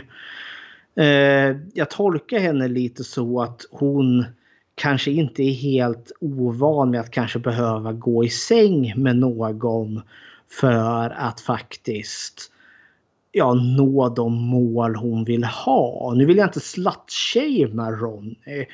Men det är lite den känslan jag fick liksom för vad är det, hon och Stasis, eller Statis, hade ju träffats som sagt när hon var studerande och han var lärare. Och det var också så där, mm, hur, hur etiskt var den där relationen? Eh, undrar ju jag. nu kanske hon var fullvuxen kvinna och gick på universitet, vad vet jag. Men det framgår inte riktigt av berättelsen. Men känslan jag får också att hon, hon är nog villig att nyttja sätt för att få det här fantastiska skopet. Eh, men att hon faktiskt då blir genuint förälskad i honom. Och att de får en bra relation eh, tillsammans. Och att det kanske hon inte riktigt var beredd på. Eh, men sen är hon, hon är smart. Hon är ju den som börjar inse att, eh, att han har, någonting gick fel i den här teleportören när han teleporterar sig. Han kan ju inte se det själv till en början för han är ju för framgångskåt får man väl kalla det.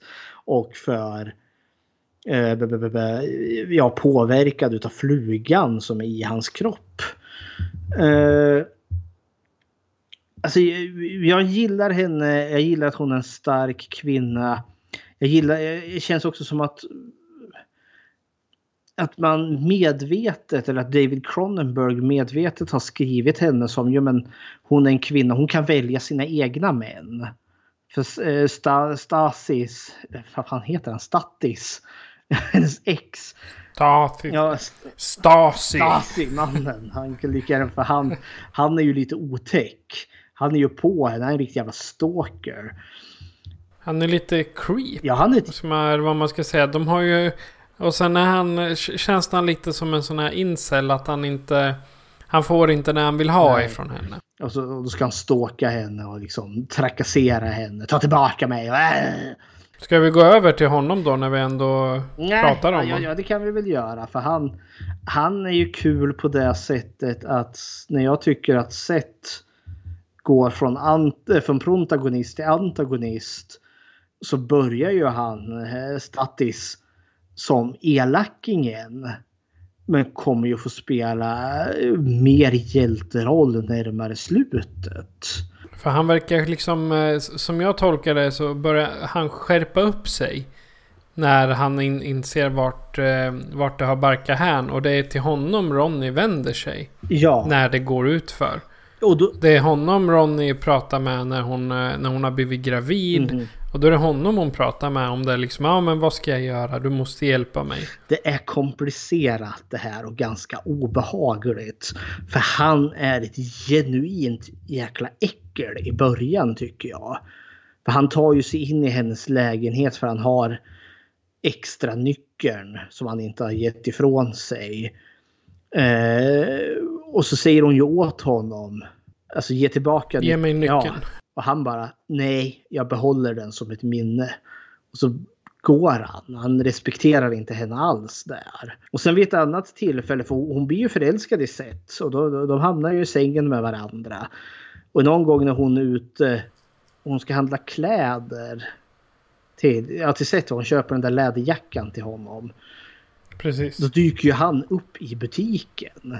Och får en jävla hissig fit. Liksom. Ah, ligger du med honom? Ah, du bara eh, humpar upp och ner på hans stora kuk. Ah. Han är ju vidrig och svartsjuk. Och vill förnedra henne. Han slut-shamear henne. Där i butiken. Bara för att hon liksom följer sina egna känslor som hon faktiskt har.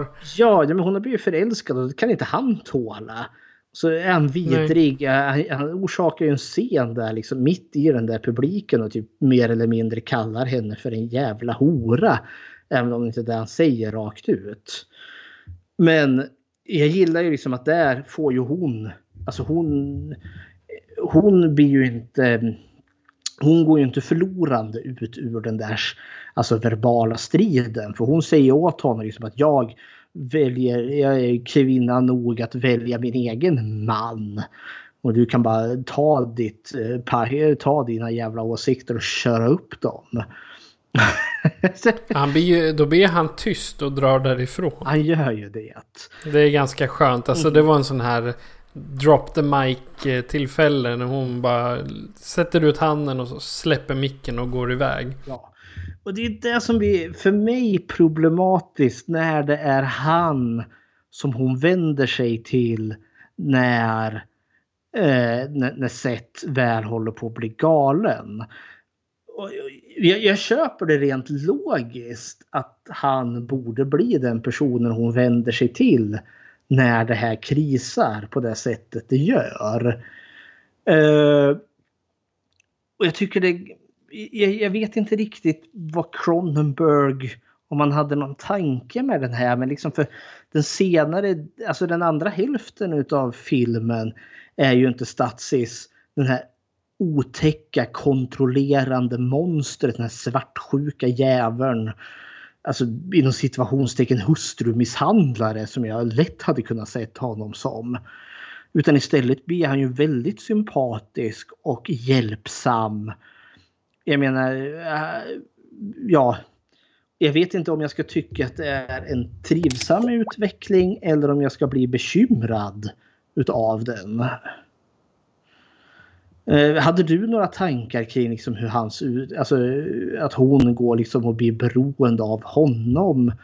Är det, är, är det liksom en, liksom en ned, alltså blir hon, blir hon en sämre, eller ja, sämre människa är väl fel att säga, men finner du det problematiskt att hon måste använda sig av honom för hjälp? När, när det väl händer så inser man ju att han har varit hennes trygghet ganska länge. Ja, det har han. Och det, man har ju en tendens till att även om man bråkar något enormt eller är extremt... Eh, har, har en extrem oen, oenighet eller om det rent utav kastas ord som slampa, hora och sådär. Mhm. Då är det då så att eh, personen man gör så med är det, har varit en trygghet och förmodligen är det fortfarande. Då är det ju mycket möjligt att till slut så kommer man liksom krypande tillbaka. Mhm. Vilket jag känner att hon gör på slutet. För det är honom hon springer till När... Eh, för hon vill göra abort. Mhm. Och då springer hon till honom och säger du måste hjälpa mig. Jag måste göra det snabbt. Mhm. Eller är Och så mycket riktigt då. Ja. Eller kan man också tolka det som att ja, men hon måste ju faktiskt nyttja de resurser hon har. För hon ser ju liksom, ja, och då kanske kan tolka till hennes starkhet som kvinna då. Att ja, men då måste jag nyttja den här hemska Stasis, Stasis, Stasimannen. Jag kan inte uttala hans namn. Statis. Eh, liksom hur, för att utnyttja honom då. Men jag, jag, jag ogillar att säga att hon nyttjar honom för jag tycker inte att hon är manipulativ på det sättet. Men eh, jag gillar det samtidigt som jag tycker det är lite jättekomplicerat.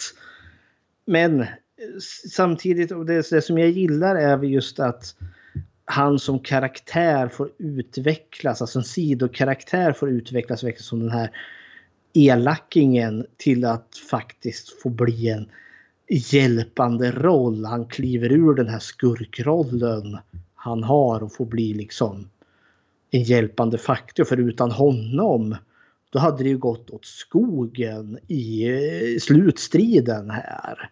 Jag menar hon, hon överlever ju enkommet tack vare honom. Ja. det är vad vi har om karaktärerna. Ja, har vi avhandlat eh, karaktärerna så som vi... Jag tycker... Som tanken är eller har du något mer att säga? Nej, alltså man kommer säkert på senare. Men jag tycker de är relativt välskrivna allihopa. Eh, och det finns liksom karaktärsutveckling hos alla tre karaktärer. Men jag, som sagt, jag tycker att uh, Seth och Ronny det är liksom säljpunkten här och den här tragiska kärlekshistorien. Ska vi gå till platsen då? Ja. Eh, Jag anser att det bara finns en enda plats. Som är eh, liksom som är avgörande för hela Mm. filmen. Och det, det skulle jag säga är labbet. Mm. Labb. För vi, vi, visst, man har ju hemma hos Ronny, du har på kontoret. De är aldrig hemma hos Seth. Men, och sen på festen. Men jag skulle säga att det är ju labbet alla avgörande scener, alla avgörande eh, dialoger, all sex Mm. pågår. Så jag skulle säga att just eh, labbet är där allting Ja, händer. det är ju där dramat utspelar sig. Eh, det här är ju en urban film skulle jag kalla det. För vi rör ju oss alltid i en stadsmiljö. Även de gånger vi rör oss utanför Sets labb. Eh, och när vi inte är där då är vi ju liksom på den här Particle Magazine-kontoret som är det här liksom futurist, nej, futuristiskt är det, men det är, det är den här flashiga skyskrapan i glas. Så vi rör oss liksom i en ganska liksom modern teknologisk värld. Och jag tänkte Sets laboratorium.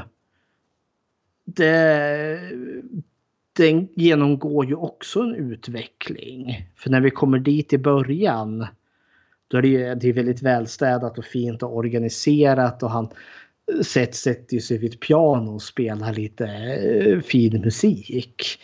I slutet i tredje akten är ju laboratoriet liksom av skräp, skräpmat och kroppsdelar och de jävla spyorna som han hostar upp sig hela tiden. Det är ett skräckkabinett som ser vidrigt ut. Och sådana där, och sådana där Ja. futuristiska eh, telepods som står där mitt i alltihopa.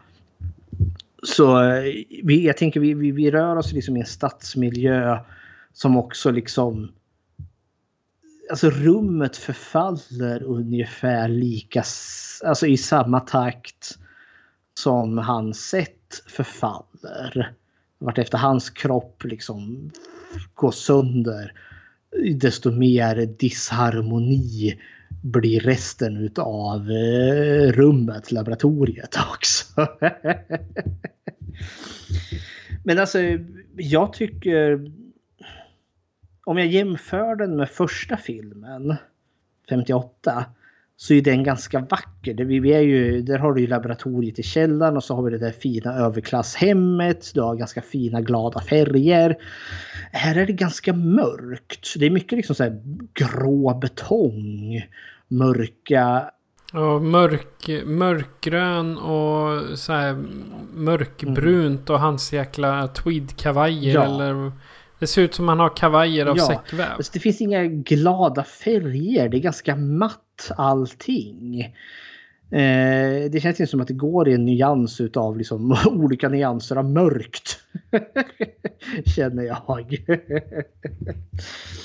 men ja, ja men, eh, jag har inget mer att säga om miljön direkt. Nej, nej jag tycker inte heller. Det, det jag gillar eh, i, i just miljön är datorn. Ja, just det. Jag gillar eh, datorn med röst, röstidentifiering Mm. och sen det här att han kan prata Jag med tänk- den. Det, då, då, då kommer jag att tänka på War Games. Ja, ja just det. Den gamla, jag kommer inte ihåg vad, vad den datorn heter men det, det, det är nästan lite stulet därifrån att han pratar med det datorn. känns lite så typisk 80-tals sci-fi. Ja, det jag också. tänker på datorn i Aliens från 79, Mother. Där, för det kan de ju också prata med den och så är det så en mekanisk röst. I cannot do that Sydney, eller Ripley heter hon. och just också det där att man kommunicerar med datorn med att skriva liksom frågorna till den och så svarar datorn. Eh, och jag tänker liksom att jag har aldrig upplevt i alla mina dagar när jag har hållit på med en dator att man kan kommunicera med datorn. Eller ja, det, det känns ju lite som att dåtidens Siri. Eh, man pratar liksom med, med, med telefonen där. Fast då... Ja, eller en Ja. AI. Föregångaren till AI. Och det känns så typiskt. Och det är också den här svarta skärmen med de gröna bokstäverna där. Ja. Nej, men det gillar jag en, en sån detalj då. För han kan ju, den är ju röststyrd. Känner igen hans röst. Ja, han måste, ja, han måste ange rösten. Han måste säga för att den ska låsas Ja, upp. Liksom. och i slutet funkar ju inte det. För då har han förändrat sådant så datorn känner inte igen hans röst. Men då kan han ju med lösenordet köra över det. Ja, manuellt där. Det kändes lite bekant. Om jag tänker till min telefon som jag låser upp med mitt, finger, med mitt fingertryck. Eller min, min tumme, fingeravtryck där. Och lyckas inte där med det för att den, jag missar något. Så ja, då får jag ju slå in en manuell kod. Så det, det, det känns väldigt bekant på något vis och vänster. Ja, jag har ju på min, eh, på min iPhone har ju Face ID. Och om Mm. telefonen inte känner igen mig då måste jag skriva in koden. Ja. Det fanns ju... Det, det finns inte Touch ID på den jag har nu men det fanns på... När man hade knappar. När man hade den här hemknappen då fanns det ju Touch ID fortfarande. Men nu är det bara Face ID så det betyder att jag måste visa upp mitt fula tryne för telefonen varje gång. Ska vi gå över till hotet? Ja, jag skulle nämna en sak till bara. Okej. Och det är som vi nämnde i förra, förra avsnittet att podsen faktiskt är trådlösa. Är de det verkligen? Ja, för jag, har, jag, jag såg inga sladdar mer än de elsladdarna som satt ifrån eh, datorn.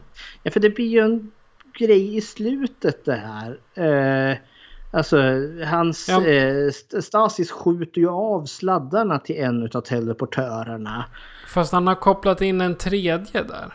Det har han ju förvisserligen gjort. För att de, eh, han vill att de ska sitta i var, varsin, eh, varsin podd och sen hamna tillsammans, bli eh, sammanfogade i, som en i den tredje. Ja. ja Så tolkar jag det i alla fall. Jag, jag, jag varit också lite osäker på om...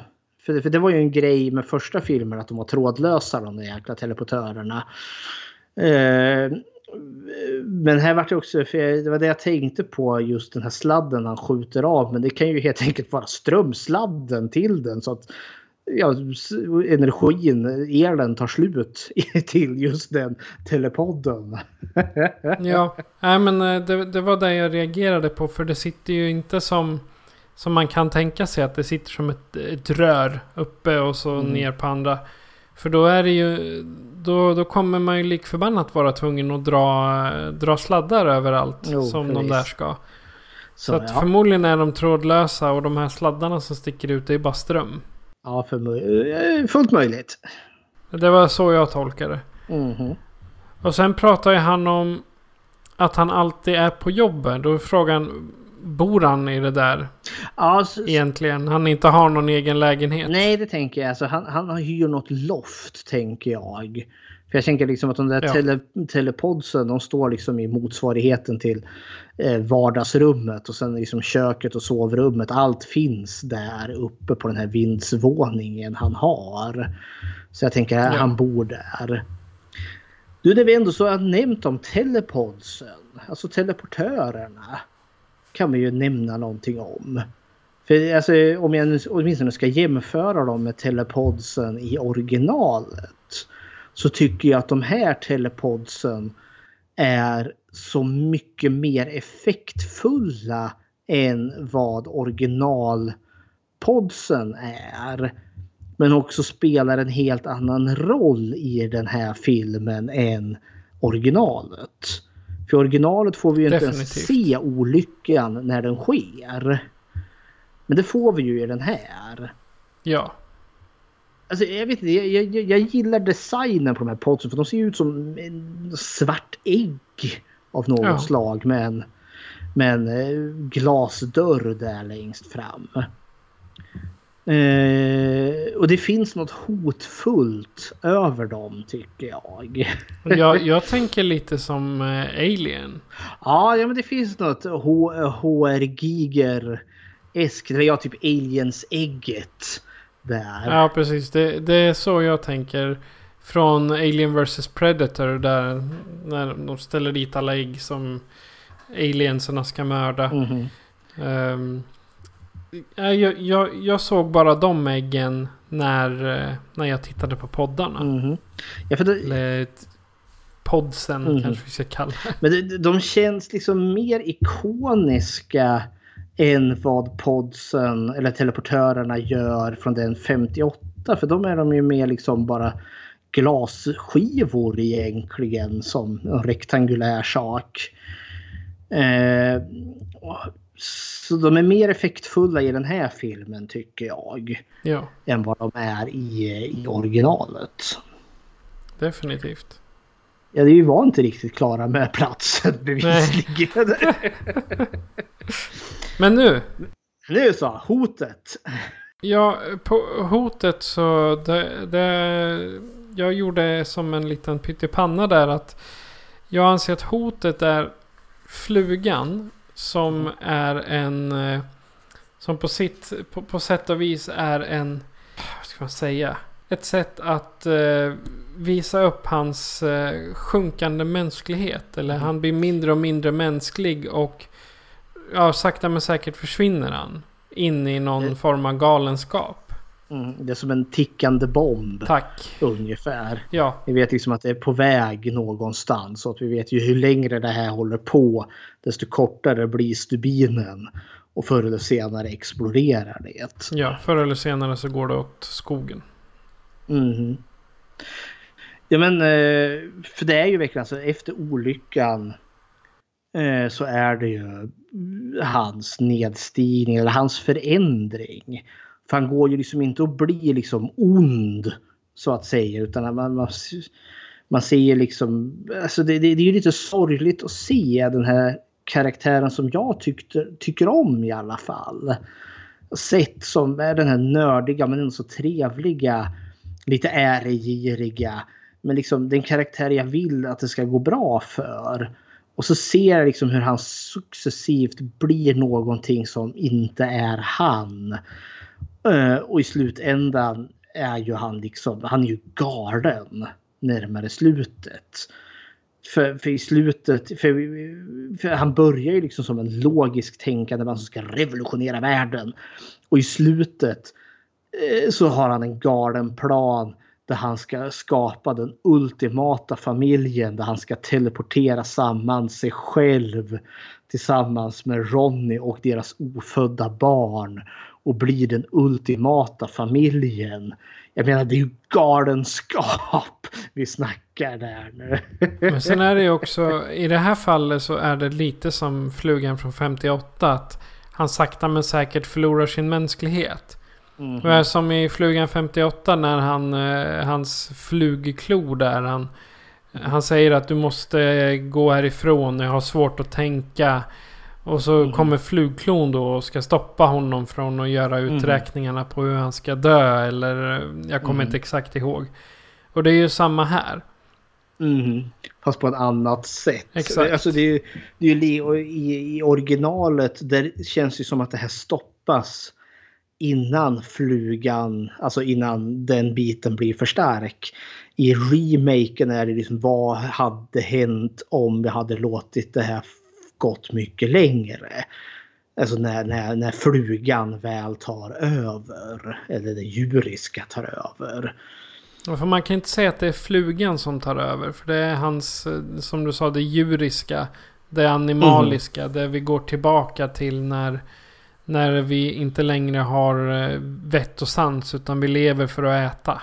Alltså han har ju blivit någonting nytt. Det är ju det. Så den, teleportören har ju liksom fusat samman hans DNA, hans gener med flugan.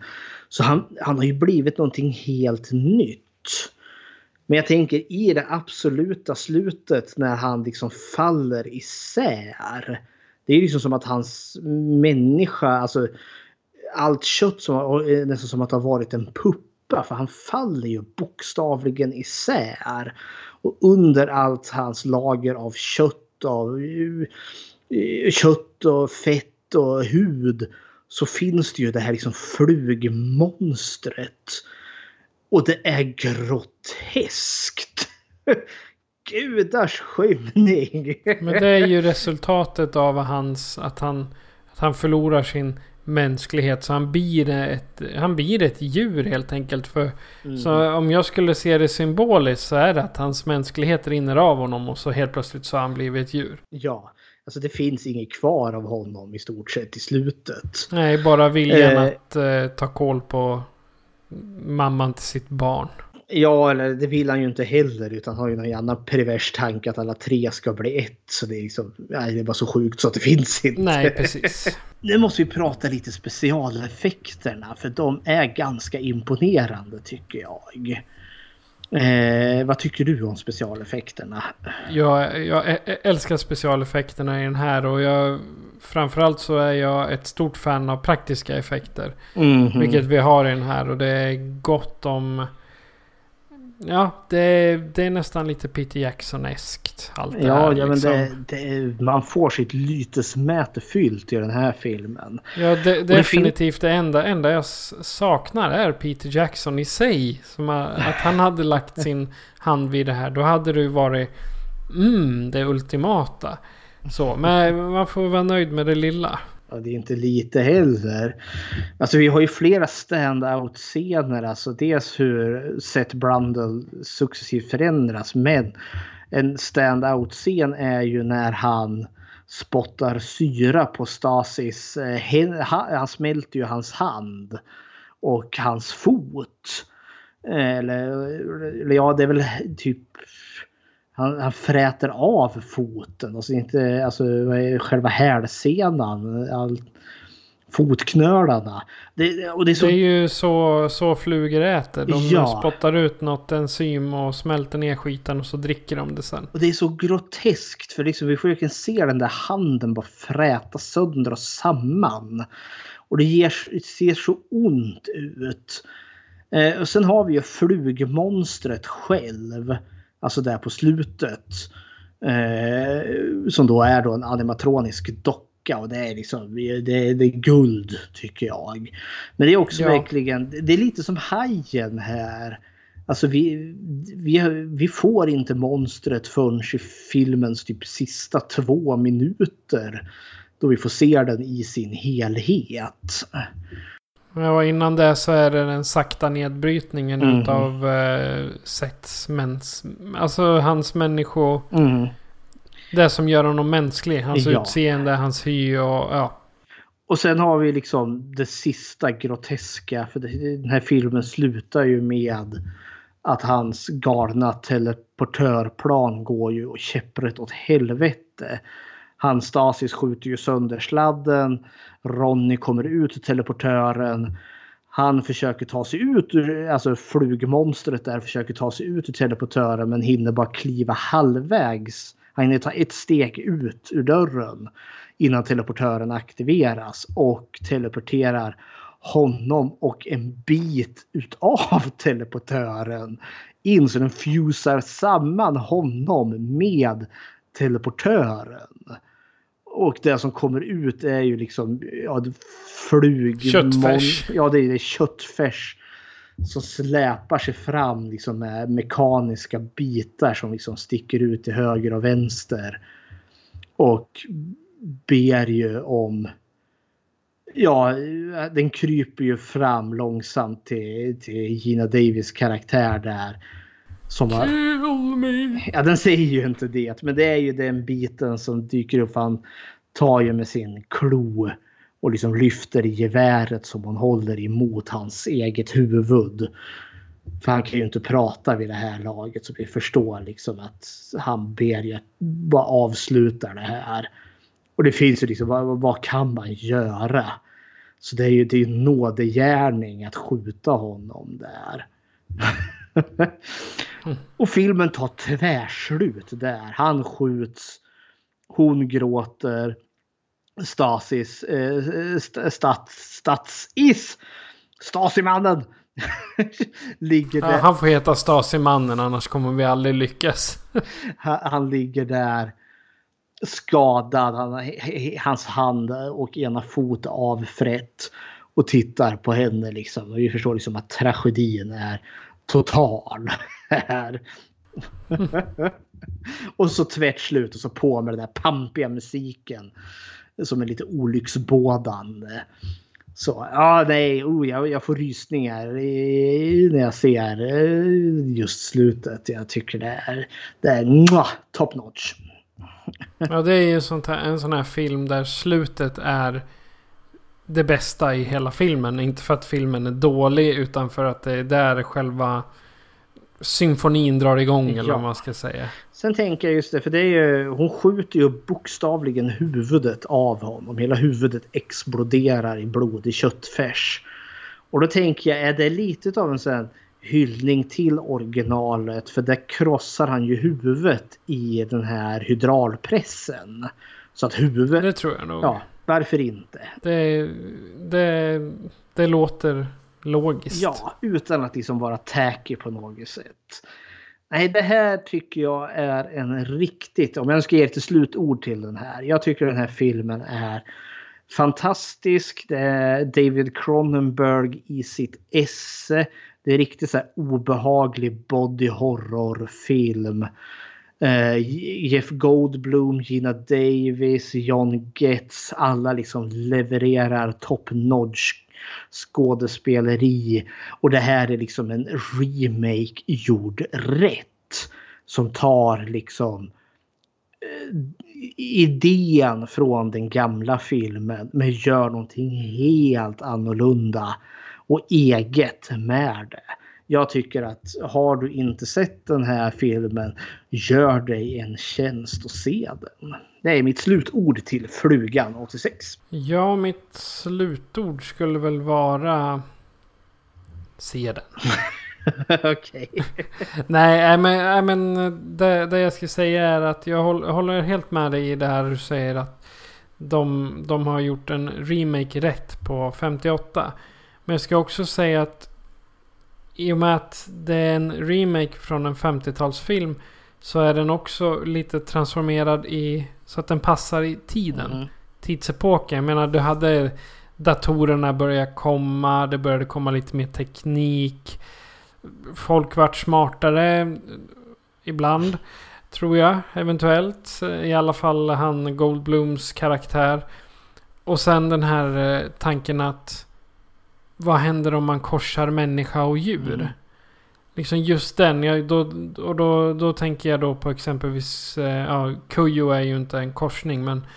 Kujo ligger ju också där i stra- ja, den kommer på 90-talet i och för sig. Nej, 80, 81 tror jag den är gjord. Ja, 80. Ja, men då är det ju hyfsat samtida när det började komma så här lite mordiska djur och... Så jag menar, varför inte en mordisk fluga? Mm. Och jag tänker, allt det här som flyter ihop med samtiden. Mm. Med, det här var mot slutet av slasherboomen så då får vi ta in mordiska djur och... Ja, och sci-fien, det var väl inte... Alien hade också redan kommit. Ja, en ko- 70, ja 79 och, ja, och Aliens, alltså tvåan var väl också 86 där. Ja, precis. Så att det är ju en, en liten kamp mellan skräckfilmen och sci-fi. Mhm. Där. Och sen på 90-talet eh, anser jag att komedierna började komma. Mhm. Så de här lite mer vuxna komedierna. Men oavsett vilket så Flugan 86 hör till en av filmerna man egentligen måste se. Om, även om man inte tycker om den så ska man se den för det sentimentala värdet av eh, de praktiska effekterna. Och eh, att se Jeff Goldblum tidigare än Independence Day. Mhm. That's it. That's it. Har du något Bechdel-test på den här? Eh, Ja, ja, det har jag. Jag har gjort ett Bechdel-test. Eh, Bechdel-testet är ju som bekant. Vi kör det här för att se om kvinnlig representation i film. Eh, och eh, vi har ju en tanke, en tes om att skräckfilm är den genre som lyckas bäst. Eh, Bechteltestet går ut i tre delar. Finns det ett Finns det mer än två namngivna kvinnor? Två, möter de någonsin varandra? Och tre, om de möter varandra talar de om någonting annat än män. Och den här blev svår. För jag tänkte att det här är dött lopp. Det är kört redan från början. För vi har ju då Veronica Quaife kallad Ronny spelad av Gina Davis. Och sen dyker det inte upp några andra kvinnliga karaktärer alls.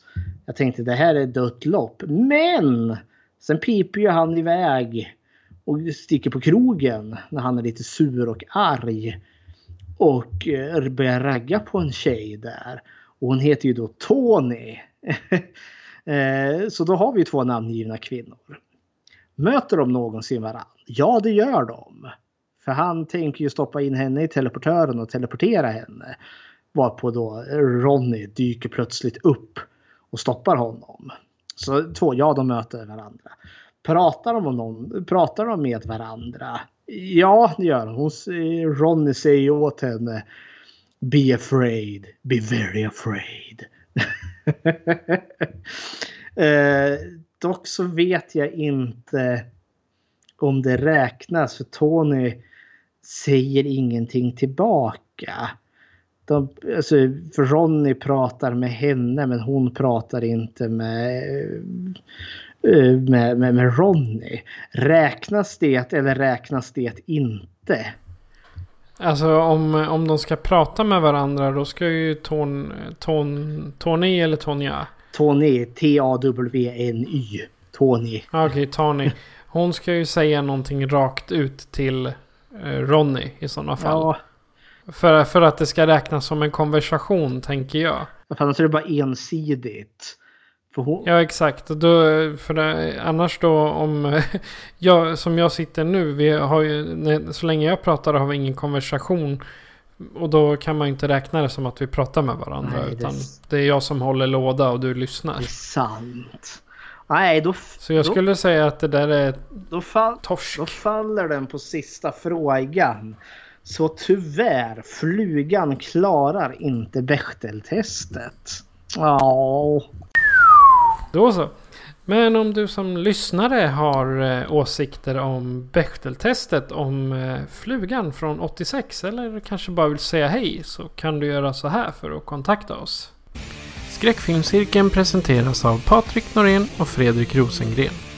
Besök skräckfilmscirkeln.com för att se hur du kan kontakta oss, var du kan följa oss och hur du kan stödja oss. Lämna gärna ett betyg på iTunes, Spotify eller Podbean så att fler kan njuta av våra diskussioner. Tack för att du lyssnar! Och Fredrik, vad blir vi utsatta för nästa gång? nej, nästa gång då ska vi ta oss en titt på uppföljare. Det fanns nämligen en tanke när jag gjorde vad heter det, flugan i skräckfilmscirkeln på ABF back in the days. Eh, temat jag hade då var original, remake och uppföljare. Och då var det flugan, originalet, remaken och sen uppföljaren till remaken. Så det ska vi se nästa gång. Vi ska se Flugan 2 från 89. The Sun. Dam, dam, dam. Så ni förstår, det vart ingen abort där. Stackars Ronny. så, och temat kommer vara uppföljare. För där finns det gott om i skräckfilmsgenren. Jajamän. For better or worse mm. kanske man ska säga då. Jajamensan. ja. Men eh, då har vi inte så mycket mer att säga än att jag heter Patrik. Och jag heter Fredrik. Du har lyssnat på Skräckfilmscirkeln. Adjö på er. Adjöken.